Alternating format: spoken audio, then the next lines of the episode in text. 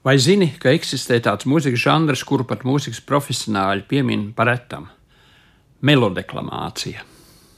Vārds skaidrojums it kā pavisam vienkāršs - deklamēšana mūzikas pavadījumā.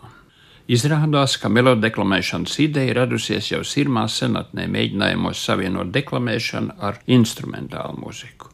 Jau sen zināms, ka senajā Grieķijā tika atzīts, ka deklamējot monologus uz skatuves, iespējas uz klausītāju pieaug, ja lasītie vārdi tiek pasniegti mūzikas pavadījumā.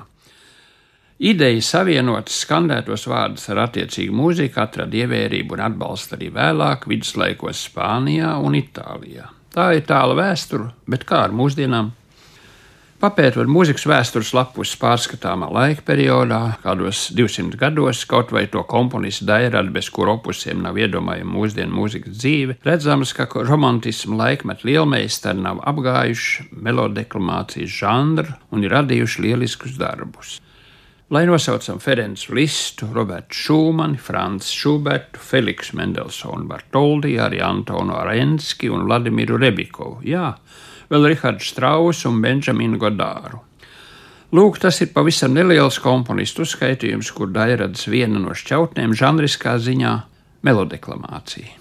Iedrošinos apgalvot, ka mūsdienu atskaņotāji mākslinieki īsti nav ķērušies pie melodeklamācijas atskaņošanas. Žanrs, manuprāt, gaida savu atzimšanu kaut vai nelielu.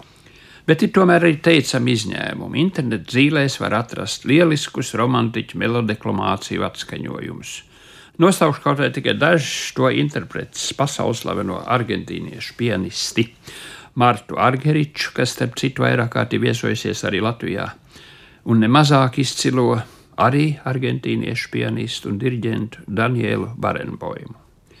Svarīgs jautājums, vai izpildot kādu melodeklamācijas žanra darbu tekstu var lasīt jebkurš, teiksim, ar labu dikciju apveltīts indivīds. Jāatzīst, ka orientēšanās nošu rakstā gandrīz būtu obligāta prasība, jo komponisti instrumentālā pavadījuma materiālā ir ierakstījuši precīzas vietas, kurās būtu jāskan atsevišķiem vārdiem vai teikumiem.